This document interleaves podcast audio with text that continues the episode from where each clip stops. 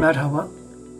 Bu yayınımda biraz iş hayatından bahsetmek istiyorum. İş hayatında motivasyon, iş hayatında çalışanların yaptığı hatalardan bahsetmek istiyorum.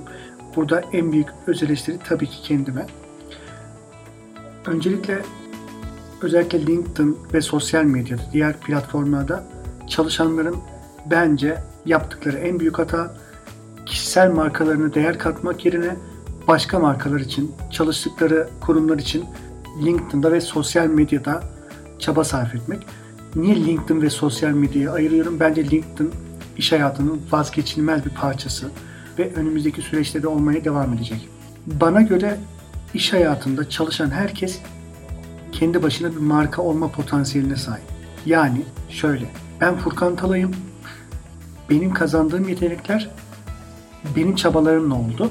Yani şundan bahsediyorum. Sosyal medyada olabildiğince sektörümüzle ilgili haberleri, yenilikleri araştırıp yorumumuzu da katarak LinkedIn ve sosyal medyada paylaşmak bize uzun süreçte ciddi şekilde fayda sağlar. Buna emin olabilirsiniz. Çünkü bu hayatta hiç kimse bir markaya, bir işletmeye, bir kuruma çakılı olarak çalışmaz.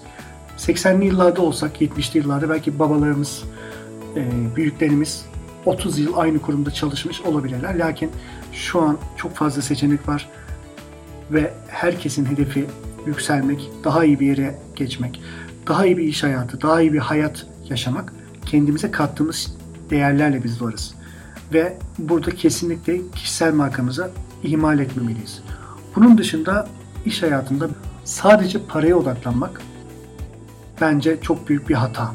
İnsanoğlunu da kaybettiren en büyük yanlış hedeflerden biri.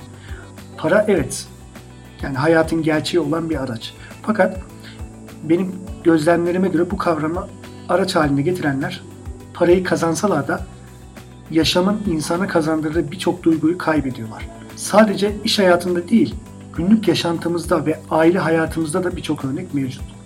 Paraya odaklanarak girişilen işlerde kendimizden taviz vermek zorunda kalıyoruz ve sonucunda mutluluk olmuyor. Bence iş hayatında insanı asıl başarıya sürükleyen para değil mutluluk. Oysa ki bir işi yaparken ilk kıstasımız işi ve ortamı sevmek olsa kazanç ve başarı zaten kendinden gelecektir. Bunun örneği çok fazla mevcut. En büyük kazancımız da kişiliğimizden taviz vermemek olacaktır. Hem de bir yerde çalışırken geçerli olan bir kural. Aynı zamanda hepimizin bildiği gibi yöneticilerin de personel alırken ucuza kaçması tamamen bir cinayet. Kötü niyetli bir insan ne kadar çalışkan olursa olsun bir kuruma zarar verir. Olduğu ortama zarar verir. Fakat iyi niyetli bir çalışanı motive ederek kurumunuzun bel kemiği bile yapabilirsiniz. Mesela bir iş yeriniz var. İş yerinizde uzun soluklu, özverili bir çalışan personelle çalışanların dikkatini dağıtıp iş yerinde fitne çıkarıp fakat işinde çok uzman olan bir personeli kıyaslamaya kalkarsanız kaybeden siz olursunuz. Çalışanlarınıza verdiğiniz maaş ve primler sizi memnun etmek yerine mutsuz ediyorsa tek başınıza kalmaya mahkum olursunuz. Genelde bu cümleler dizilerde olur ama burada anlattıklarımın hiçbir kişi ya da kurumla alakası yoktur. Spotify, Apple Podcasts, Google Podcasts, Instagram, Facebook, YouTube, Twitter, LinkedIn'dan beni takip etmeyi unutmayın.